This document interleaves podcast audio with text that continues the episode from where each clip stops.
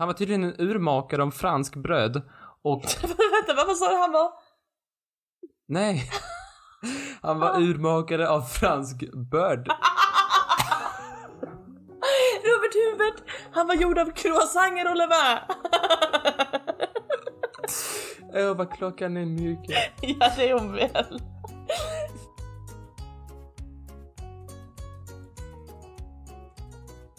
Hej och välkommen till Trivialist, podden med eh, dig Martin. Mhm. Ja, Så jobbar nu vi var du lite så här båda två plötslig. pingpong. Du var så här plötslig lite, jag hade ju dricka i munnen. Så Molly, jag vill bara fråga dig, hur mår du? Jag mår jättebra. Vad bra. Ja. Checkar vi av det från Ja. dagens lista att Ja. göra? Ja. Hur mår du? Jo då, tackar. Tackar, mår bra. Tackar. Fint, fint. Dagens ämne.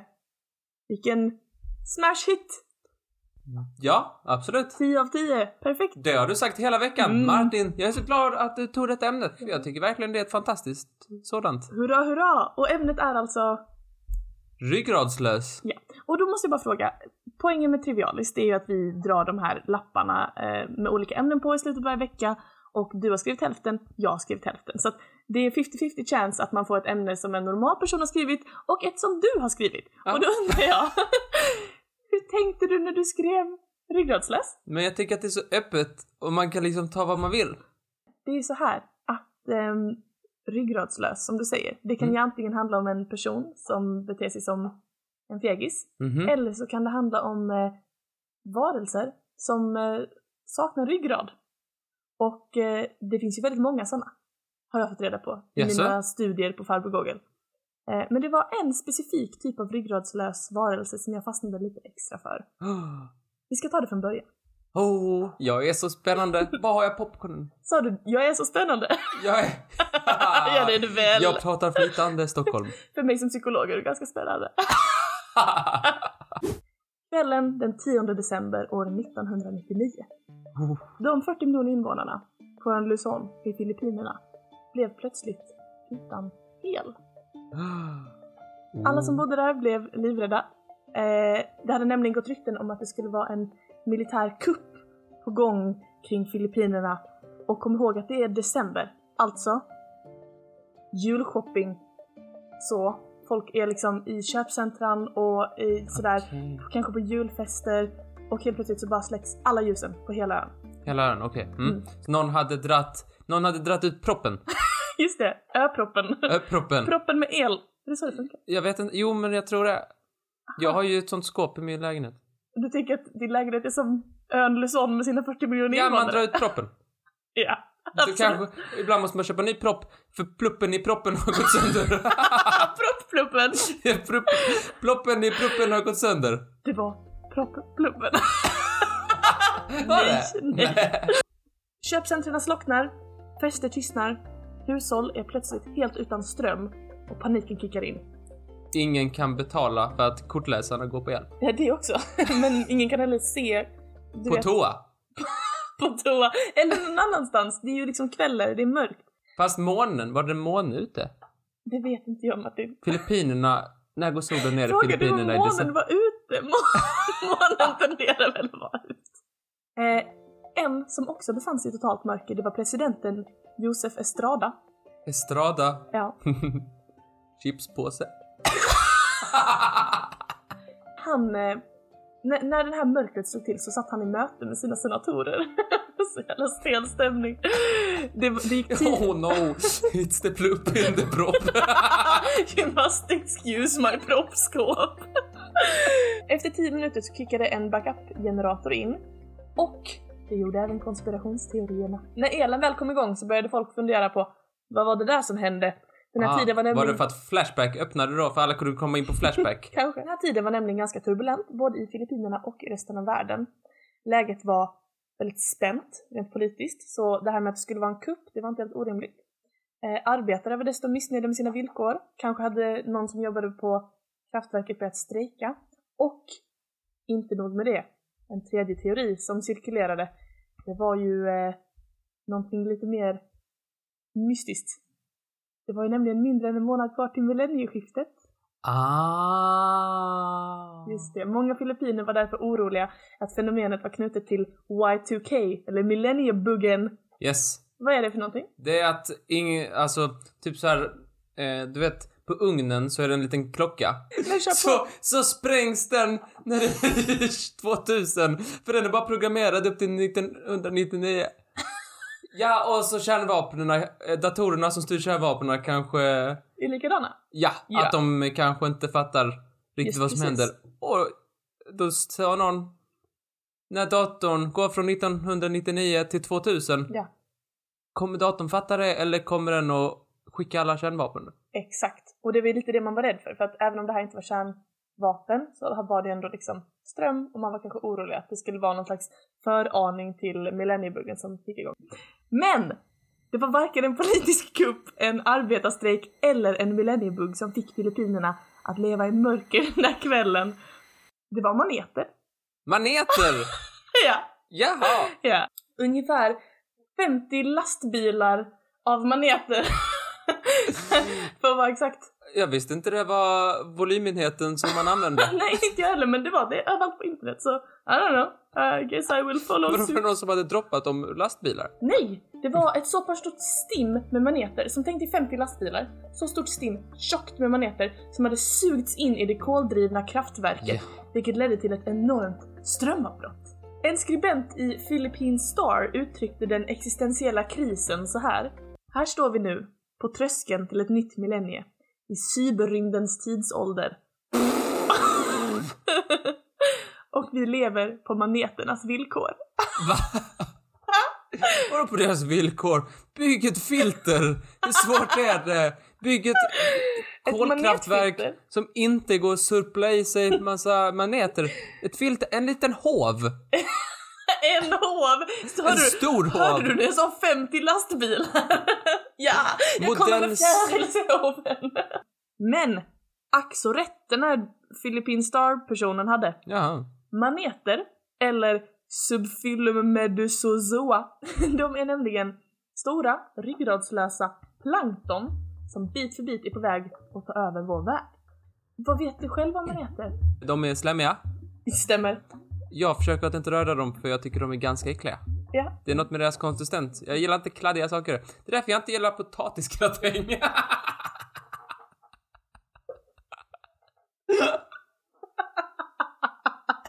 Ja! det, det jag älskar mest med den här podden, det är att jag alltid håller oss på temat. Liksom rör oss framåt storyn. Men jag har alltid, jag har alltid ogillat kladdiga grejer. Som potatisgratäng. Och maneter. Ja, Jag hör att du behöver lära dig lite mer om maneter Martin. det vill jag gärna. Ja, vad bra. För jag är nämligen här för att utföra just det uppdraget. Maneter, det är några av jordens konstigaste varelser. Maneter har funnits i 650 miljoner år. Det är mer än 400 miljoner år innan de första dinosaurierna dök upp. Maneter är också 98% vatten. Ha, det är mer än gurkan. mer än gurkan! Men du kommer ihåg strömavbrottet på Luzon? Mm. Sjuk situation. Grejen är att det var ju 20 år sedan som det hände. Men liknande problem har börjat uppstå över hela världen. Jaha. Vi befinner oss nämligen mitt i en explosionsartad ökning av maneter över hela jorden. Ah. Och det märks! Ja, det hoppas jag om det är en explosionsartad förändring. Ja. Så borde den märkas. Ja! År 2011 så stängdes båda reaktorerna i kärnkraftverket i Torness, Skottland efter att maneter blockerade deras kylfilter. Två år senare, ja då var det lilla Sverige Jaha. fick besök av odjuren. Kommer du ihåg det? Nej. 2013, eh, kärnkraftverket i Oskarshamn fick stängas. På grund av manetinvasion. Och Är det bara kärnkraftverk och kolkraftverk som... mm, även ett kärnkraftsdrivet hangarfartyg Ja. som jag inte vet vad det innebär, som heter The USS Ronald Reagan. Även han fick stängas av tack vare de små rackarna. För de kommer in i... De liksom System. kommer in i systemen. De är ju som du sa innan kladdiga, eller så här glidiga. Ja. Som liksom glider in, men sen så, och en manet hade kanske inte varit något problem och två maneter kanske inte heller. Men när det kommer 50 lastbilar med maneter in i ett system så klagar de liksom upp allting och gör alltid gelé. och så blir det svårt Ja. för kugghjulen att Så rulla. du menar även fast man sätter ett filter så kan de klägga igenom? Just precis. Det är inte bara kraftverk som blir lidande av den explosionsartade ökningen som vi snackade om innan. Ja. Utan eh, det är även eh, så, solbadare. Nu senast så var det australiensare som fick sätta huden till. Huden till? Ja, när de små krabaterna kom flygande. De flög in på stranden i Queensland, Australien, Mm. efter eh, massa så här starka strömmar och vindar och sånt. Um, pooler, stränder och uteplatser fick stängas ner efter att tusentals personer blivit brända av maneter. Så sjukt! Mm. Ännu en anledning till att jag aldrig kommer åka till Australien. Alltså jag säger det, det är spindlar och det är ormar och det är krokodiler och nu flygande sådana maneter. Flygande maneter? Nej, inte flygande men de liksom, de välde in på stranden. Ja. Tänkte att de ligger och solbadar och så kommer det någon liksom stor, ja 50 lastbilar maneter som vällde in över dig. I juni förra året så blev över 1000 personer stungna under bara en vecka i Florida efter en eh, jättestor manetblomning. Manetblomning? Ja, det är det det kallas när maneter plötsligt poppar upp. Ja, eh, trots att dessa tillfällen är väldigt spektakulära så ökar maneter både i täthet och i freaky-deakiness. Eller i, vad säger man? Inte inte, man säger allvarligheten av attackerna Ah. blir värre. Ja. Ja. Från diamantfiske i Namibia till laxfiske i Irland så lyckas de små liven leta sig in och sabba för oss. De har till och med börjat ställa till det för kaviarskördarna. Nej! Jo! Ja, jag skiter i de andra.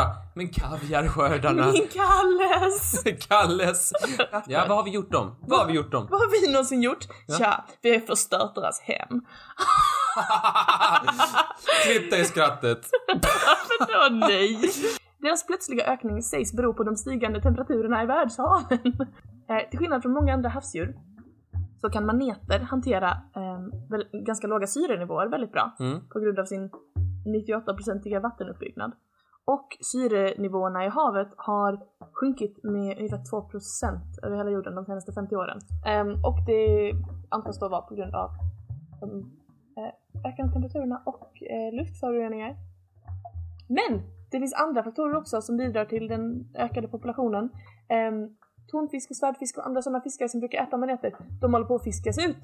Och då så finns det ingen som äter maneterna och då blir maneterna jättemånga. Mm. Mm. Det här med svärdfiske, alltså varför har de en sån? Är det för någon sån här statusgrej som har ju så här, som det liksom har blivit, typ som så här flamencos, att, att de liksom har fått dem för att liksom de ska vara liksom hot.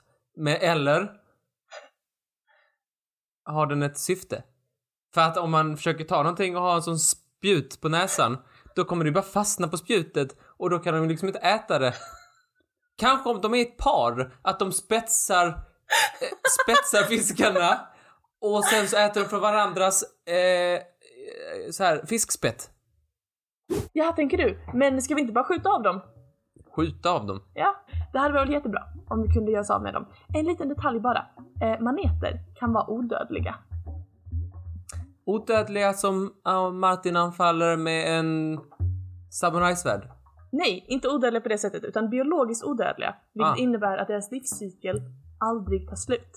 Va? Hur? Vem? Varför? Jo, den mest intressanta maneten i världen heter Turritopsis dormi. Turritoptis... Turritopsis Turritopsis dormi. dormi. Ja.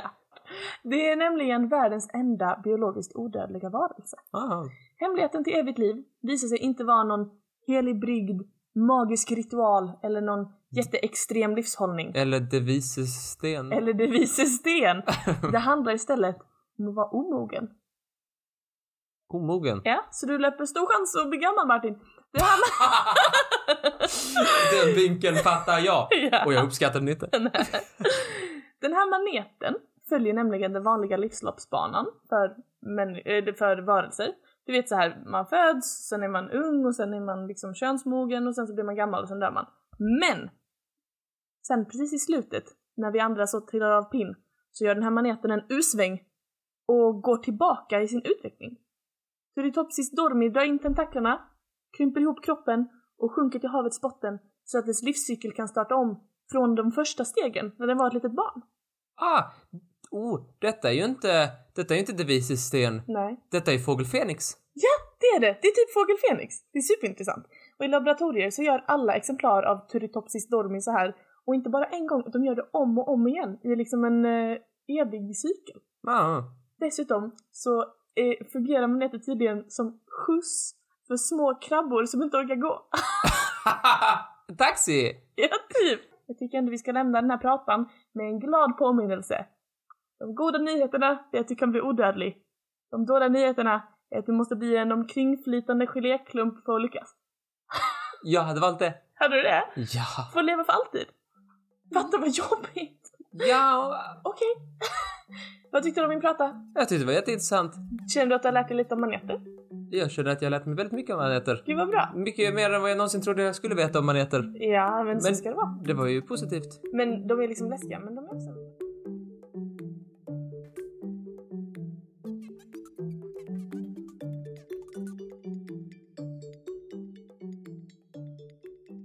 när jag har haft min långa prata Mm. om maneter och deras eh, fascinerande förmågor Ja. så är jag lite mm, hungrig. Är du hungrig? Ja. Jaha. Fick inte allt snack om... Var det allt snack om maneter som fick kurret i magen att börja brumla? Nej, men jag är sugen på poddsmågodis Martin. Mm. Smågodis, det har vi ju mellan våra långa prator i Trivialist. Ja, ja, ja. Det Ja, gott. men något, något ska du väl få, det ska du väl. Ja! ja. Farbror Goggle, Ja. vad kan han? Sökte jag. Ryggradslösa djur, tänkte jag. Mhm. Kanske finns någonting där att prata om. Och då dök de upp. Mina vänner! Mina favvosar! De har ju ingen ryggrad, det tänkte ju inte jag på. Åh nej, jag vet vad fan det här är för skit. Jag ska berätta för dig lite om mina... Om räkor? Ja! Åh, min fascination i livet. Räkorna. Och detta är inte, jag vill verkligen understryka, detta är inte någon ironisk, Nej. eh, att jag bara gillar dem lite så här på skoj. Nej. Utan detta är en fascination. Alltså, hundratals timmar har jag suttit och scrollat igenom artikel efter artikel. Det var ingen som trodde att du var ironisk Martin, så jag vill inte förtydliga dig. De räkorna, de är fantastiska. Det finns hur många sorter som helst. Och de alla, alla har liksom olika egenskaper och sådär. Och jag tänkte berätta för dig om några som ligger mig varmt om hjärtat. Okej. Liksom de kan göra saker som, alltså de kan göra typ så här liksom simpla uppgifter som liksom att hushållsnära tjänster kan de göra liksom så här städa och, och rengöra liksom tänder och de kan liksom bygga saker, sånt som man kan få rutavdrag för. Så att jag har lite egenskaper här. Och jag kommer säga några egenskaper. Och du ska säga om en räka kan göra det. Eller om man måste fråga någon som gör det med rutavdrag. alltså segmentet rut eller räka. Så välformulerat! Rut eller räka ska vi spela lite grann. Ja, låt höra! Jag är idel öra. Om man behöver riva en vägg, kan man fråga räkan eller måste man fråga efter rut? Om det är världens minsta vägg, om det är en kvadratcentimeter, då tror jag väl att räkan kan. Jag säger, det är räka. Pistolräkan! Oj! Ja! jag har inte ens något i ögonen, det känner jag. Martin sin galna min. Du som hör det här, gå till Martin, kolla i hans källare, se om han har stängt in mig och berätta räkfakta för mig mot min vilja. Pistolräkan, den lever då liksom eh, nära ekvatorn, lite så här runt i hela världen nästan. Den har en klo som är väldigt mycket större än den andra. Aha. Typ som kulstötare. De slår ju man bara med händerna. Blir de jättestarka på den och inte så starka än på den andra. Den har en klo då, mycket större än den andra. Och den kan liksom på ett väldigt eh, avancerat sätt som jag vet i detalj snärta den. Jag tror Aha. snärtar den liksom så här på något sätt, den laddar den liksom så här och så bara pang! Och då genererar den en stor bubbelkula och det är liksom en högljudd smäll som händer liksom runt den här. Det är liksom, det är liksom där tryck och grejer. Och den, den här lilla bubbelkulan, Ja. den går i 100 kilometer i timmen. Jädrar anamma. Så den bara, den bara siktar, skjuter. Som en pistol! Ja, därför Ja. heter den pistolräkan. Eller Ja. snapping shrimp. Så den liksom, den liksom, man knockar en fisk och sen så går den fram och käkar den. Andra räkor och mindre fiskar. Ingen match för pistolräkan. Den var, och den här höga smällen, Mm. den kan gå upp till 210 decibel när man jämför den räkan med andra höga ljud i, i liksom, i, eh, vad heter det, i havet. Mhm. Så är de liksom bland de högsta. Den jämförs med liksom valar och sånt där. Den är svinhög. Wow. Och det här ljudet är så högt Aha. så att den liksom kan störa ut så här vatten, under, undervattens kommunikationsinstrument Ja, va? Gud vad sjukt! som finns liksom så här som människor har satt upp. Oj, gud vad galet. Så Ja. den kan liksom fucka för oss också. När man, ska, man kan ha detta i akvarium, men då måste man ha extra starkt akvarieglas. För att annars så tar den sönder glaset. Oh my god, det är en utbrytarkung. Om man ska bygga ett hus till en helt annan djurart, är det då rut man behöver eller klarar man sig med räkan? Jag tror det är räk som gäller. Ja, det är räkan ju! Vem är det? Jo, det är pistolräkan igen! Va? Jo, för pistolräkan, den är extremt liksom samarbetsvillig. Jaha. För pistolräkan, den lever i symbios med massa olika djur. Den lever då i symbios med gobiefisken. Jaha! Det är en ganska lång fisk som har ränder, eh, kan vara lite olika färger och sådär. Och grejen med den här räkan, pistolräkan, är att den har väldigt dålig syn. ah, Så, men den är en väldigt flitig arbetare. ja. Grejen med gobiefisken är att den har ingenstans att bo, den kan inte... Är grejen med gobiefisken att den har jättebra syn men är jättelat? Räkan gräver ett hål Mhm. och tar ner olika stenar och så här och inreder och gör det jättefint där nere, gör liksom ett hål och Ja, han gräver. är fint men han har ingen syn. Jo, men han har lite syn, inte så bra bara. Så han gör det lite halvfint. Ja, men han tar ändå fram, tar upp liksom så här korallbitar till exempel och gör liksom väggar och lite små pelare och grejer så här, som Ja. skyddar mot, mot andra fiskar. Mm.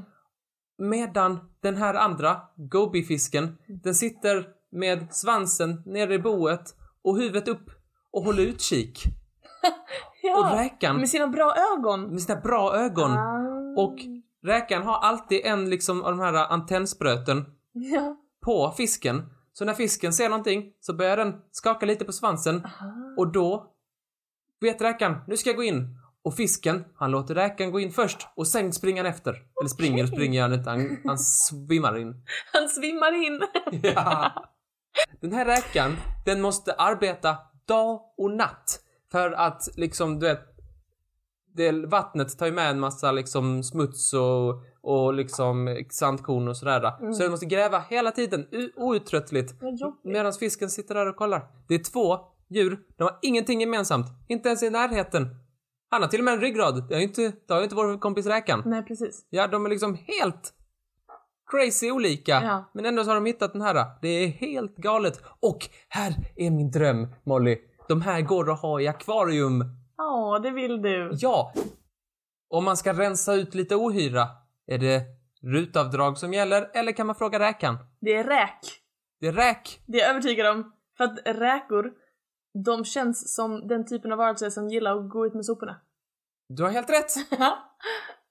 Vem är det? Jo, det är vår kompis Snapping Shrimp eller Pistolräkan. Men vad fan, vill du bara prata om Men han pistolräkan? kan ju så mycket. Jo, jo. Detta är också samma art, pistolräkan, men det är en lite mindre underart som är små som riskorn och de beskrivs som havets bin. Åh, vad gulligt. För de bor inte själva, inte ens med en gobifisk, utan de bor med 300 andra individer häftigt. som alla härstammar från en drottning. Ooh.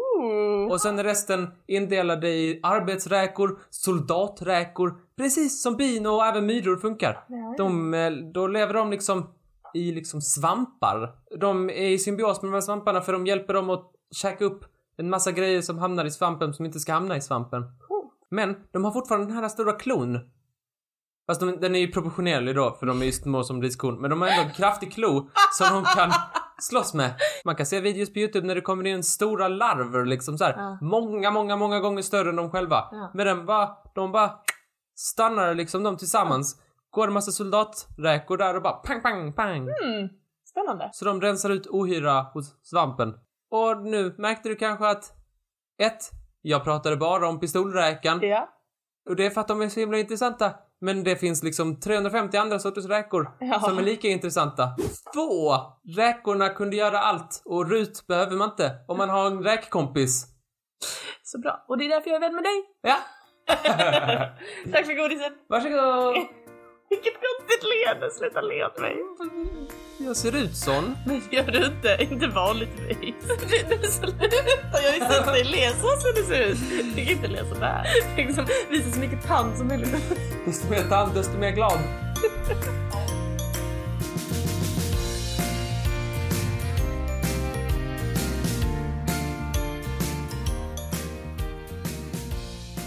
Men eh, godis, det brukar ju liksom... Man brukar bjuda och så bjuds det tillbaka. Ja, det gör det. Och det är klart det ska bjudas tillbaka även idag. Jaha. Ja, du ska få lite smågodis. Det är dags för ännu ett avsnitt av Kan Martin myten?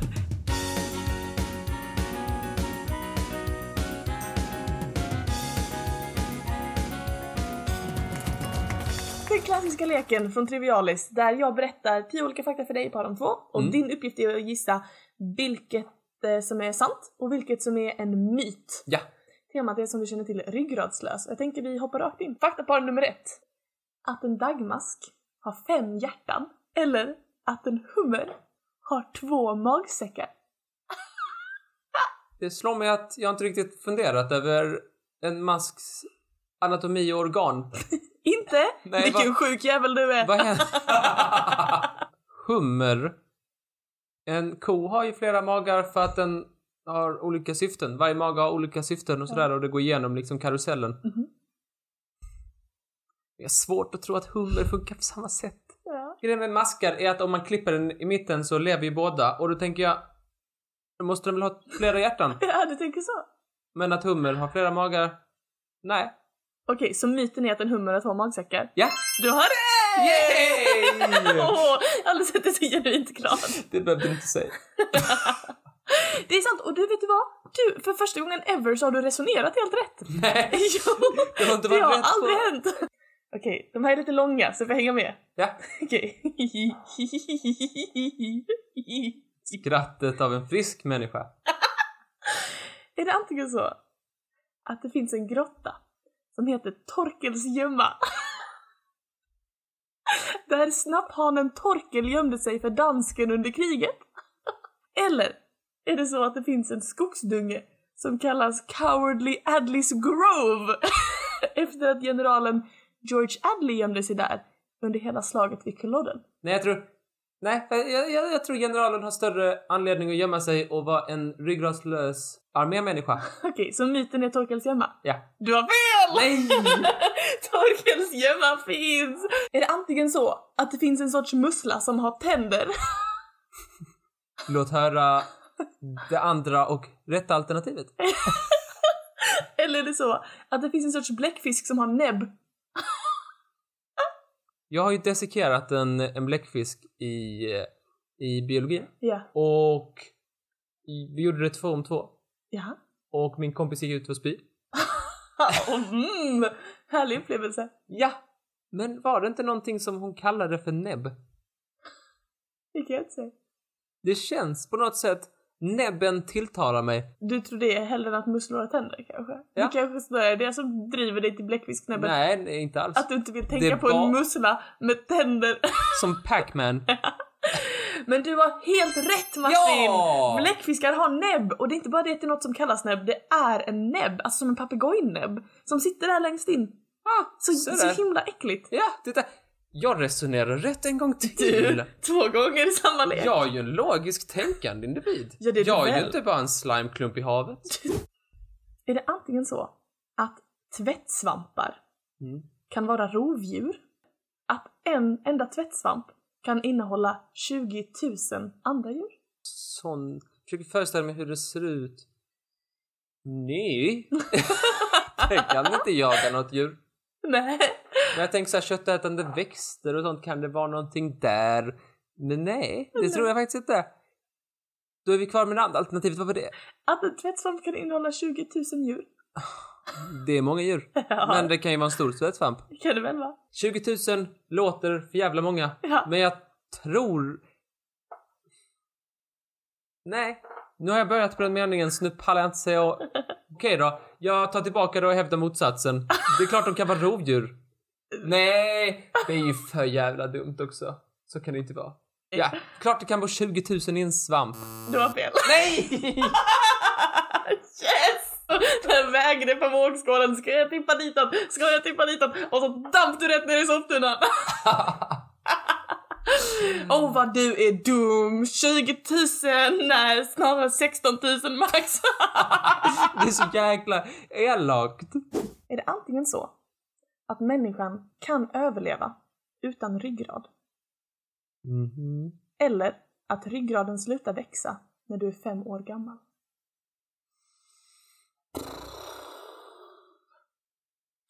Okej. Låt oss dissekera det här skitsnacket. Aha.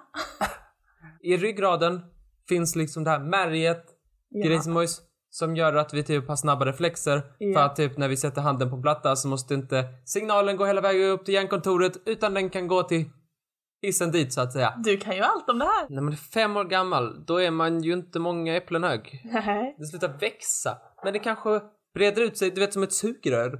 På McDonalds, du vet när man tar ett sugrör och sen så ska, innan man sätter i det så drar man upp så. Prrrt, säger det. Mhm. Det är det som händer när man är fem. Och att de vi har nu är bara sugröret som har blivit expanderat. Det är för jävla dumt att den skulle sluta växa vid fem års ålder. Jag tror man... Nej, det kan man inte. Kan man leva utan... Nej, det kan man ju inte. Och Men bestämma annars dig. är det ju sugrörsteorin och den är ju i och för sig ganska vattentät. Hej då! Det är 50-50 men jag vet att jag kommer ha fel. Som myten är att man kan leva utan ryggrad. Nej. Att den slutar växa när man är fem. Är det som är myten? Det är myten. Du har fel. Nej! yes! oh vad du är dum! Nej, alltså Martin, det där var faktiskt sorgligt att se för att din sugrörstid är helt korrekt. Ryggraden slutar växa är fem, men allt runt omkring raden, ryggraden fortsätter växa. Så himla nära, så himla nära verkligen. Var en, en fråga bort från vinst. Men du kämpade som en riktigt ryggradsfull man. Tack. Varsågod! Vi ses nästa vecka. Nu blev det leende. Och ni du gråter. Ja, varsågod.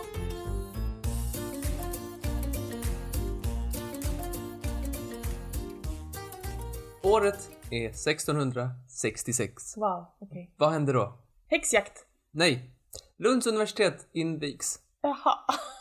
Men det är inte det vi ska prata om. Nej, okej. Utan det är det andra som hände 1666. Dina gamla kvarter. Jaha. Är det branden i London? Branden i London. Ja! Sommaren i London 1666 utmärkte sig som en sommar med ovanligt varmt väder. Ah, som förra året. Som förra året, inte denna. Den höga temperaturen och det torra vädret skulle visa sig ha stor betydelse för vad vi idag vet är en stor, stor katastrof. Mellan den andra till den 5 september 1666 hade den förstört 13 200 hus. What? Nära 100 kyrkor, 6 stycken kapell, nästan 50 stycken företagsbyggnader och en massa viktiga så här, statsbyggnader som, och Oj. fängelser och fyra broar över Themsen. Jaha. Ja, På bara tre dagar? Helt sjukt. vet du hur många som dog? Eh, nej. Sex stycken. Sex personer? Ja, enligt det officiella räkneverket för den tiden. Man hade inte så bra koll på typ fattiga och hemlösa Nej. och så här. Pish posh. Så det är lite, det är lite ett mörkertal där kan man säga. Men den officiella siffran är sex personer. Ja. Jag säger fake news. Precis. Men vet du hur många som blev hemlösa? Över 100 000 personer. Shit. Vilket var väldigt mycket. Det var en sjättedel av Londons befolkning. Ah. Vi får börja från början. Ja. Vad började det och hur gick det? Ja. Gnistan till det som skulle resultera i den här äh, brasan. Brasa är lite. Det är kanske en underdrift. Ja, bålet då. Bålet, ja. Mycket bättre. Ja. Den började då i gryningen den 2 september eh, och det var hos den välkända bagaren Robert Fariner. Han hette inte så. Jo, det heter han väl? Hette han hette bagaren. Det här är inte Cluedo, det är inte överste senap i vestibulen med en ljusstake. Bagare Farin i köket med en kavel. Ja, vet du vilken... Så hette han, kanske man kan uttala det olika, det vet jag inte. Nej. Men så står det. Inte nog med att han var bagare och hette Herr Ferin, utan han bodde också på Puddingfilen, Pudding Lane. Puddingfilen, ja. Nej! Det är pudding och det är farin och det är bagare. Ja, elden tros då ha, ha spridit sig från eldstaden till några vedträd i närheten och det tog fjutt kan man säga. Mm. Det började, Ah, så det var sig. bagare Farin som var uppe och eldade i sin kakelugn? ja, det är det vi säger till Cluedo-domaren. Okej, okej, okej. Eh, och en, jag vill säga det, en viktig källa till varför vi vet väldigt mycket om detta är för att det fanns en pöjk, nej det fanns inte, han var statstjänsteman, som heter Samuel Pepys. Eh, han har skrivit en dagbok som är ganska känd. Grejen är att vi, ve- vi visste inte så mycket om detta förrän typ in på 1800-talet, för att han hade kodat sin dagbok. Som man tror är på grund av att han hade lite älskarinnor, så hans fru inte skulle läsa den. Så 150 år senare så lyckades vi fatta vad han menar. Så dagen efter då, så fick hertigen av York, som var en modig och beprövad sjöman, som senare skulle bli känd som kung Jakob den andre. Han, eh, han fick Okej. ansvaret att sköta släckningsarbetet. Han liksom använde soldater och volontärer och liksom försökte trycka bort elden. Han gick med händerna iväg, Nej. iväg med dig. Snarare att han drog. Han drog. Ja, för att husen på den här tiden, det var rätt vanligt med, med bränder på den här tiden. Och husen var förberedda för att det skulle bli bränder. Så de hade krokar på sig. Vänta lite. Så istället för att bara bygga husen i sten Ja. eller något annat material som inte brinner riktigt lika lätt så hade de trähus med en krok Ja. så man kan lyfta bort det. Nej, inte lyfta bort det. Utan man tar ett snöre och så drar man typ och sen så river man det liksom. Man river det, Ja, så det blir en brandgata. Så det inte sprids. men då eh, river man huset. Ja, så sprids ju inte elden. Så, Ja. så slipper man det. Okej. Så jävla dumt. Ja, men, ja, men eh, det var inte så lätt att, att stoppa den här branden. Lågorna kunde bli upp till 9 meter höga och liksom det var... Det var kaos på gatan. Ja, det hör jag det. Efter tre dagar så lyckades man släcka branden och då var katastrofen ett faktum. Mm. Men vi ska gå igenom detta lite mer i detalj för att vi vill hitta en syndabock för detta. Ja, Vems såklart. fel var detta? Ja, vems fel var detta? Ja, och jag har då tre. Sex personer miste livet. Vi börjar med staden. Staden ja. Stadens fel. Syndabock nummer uno. För att eh, Londons stadskärna i mitten på 1600-talet, det var liksom ett myller med massa trånga gränder och en massa höga trähus som ibland var sju våningar över marken. Liksom. Det, är mycket, det är mycket våningar på den Ja. tiden. Och husen var ofta mindre i bottenplan på grund av markpriset. Och sen så blev de större, kan man säga, upp mot, upp mot himlen. Desto längre himlen kom, desto bredare Det låter som ett sånt Harry Potter-hus. Ja, men det var ju logiskt ekonomiskt kan man säga. Detta, detta eh, gjorde då att det började brinna lite Ja, då och då. Sådär, inte som slutade lika, lika tufft som denna, men det, det var liksom ändå en vardagsgrej att det började brinna lite då och då. Ja, Och det var inte bara för London, utan det var, det var, det var vanligt runt om i Europa. Just det. Ska vi ta den andra misstänken, misstänkta så Ja. är det bagaren. Ja, jo. Absolut. Bagare, minns du vad han hette? Ja, Farin. Ja, det var ju... Ja, men det sa jag från första början. Bagaren med eh, vedträt Ja. i köket. Bagare Farin på Pudding Lane. Ja, det är för bra för att inte vara sant. Ja, han, han var ju då den som hade lämnat elden oupptittad. Obevakad menar du? Ja, han hade lämnat den obevakad. Så kan man ju inte göra. Nej. Nej. Inte och okej. eh, det var ju inte så bra. Och, bre- och veden bredvid ugnen och allt Det sådär. är så jäkla Mm. konstigt. Ja, nej. Så att det kan man ju beskylla honom för. Men nu kommer vi till det jag vill prata mest om. Den som svek sitt uppdrag, Ah. som var lite svekfull, karaktärslös och ryggradslös. Ah. Det var ju då borgmästaren Berätta gärna, vem Ja. var han? Vad ville han? Varför gjorde han det här illdådet och varför är han misstänkt? För han, han har inte alltid fått skulden, utan det är först sen man kunnat översätta den här dagboken 1825. Eh, för då fick man höra den här Samuel Pepys, hans, eh, hans liksom upplevelser av borgmästaren och vad han gjorde under branden. Ah. När branden startade då på Pudding Lane, ja.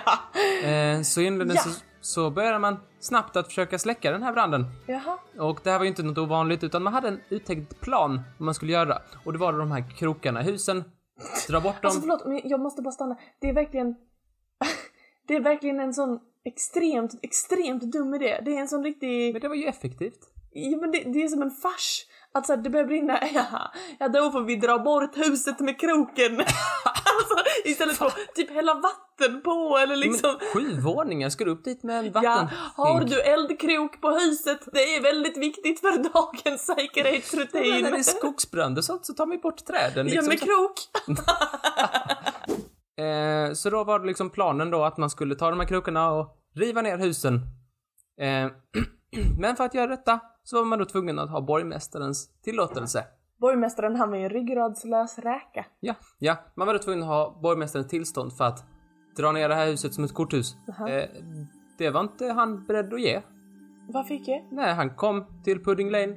Han, han kom dit och sen så sa han att nej, det här är ju inte mycket till brand. Om man väl har krok, då får man väl använda krok. Ja, det kan När man väl. krok behövs. Ja, men han sa så här att nej, men grannarna är inte hemma så jag kan ju inte fråga om vi får paja huset. Dessutom, det är inte mycket till brand. Och det sista han sa innan han stack så ska enligt Samuel Pepys vara Pish!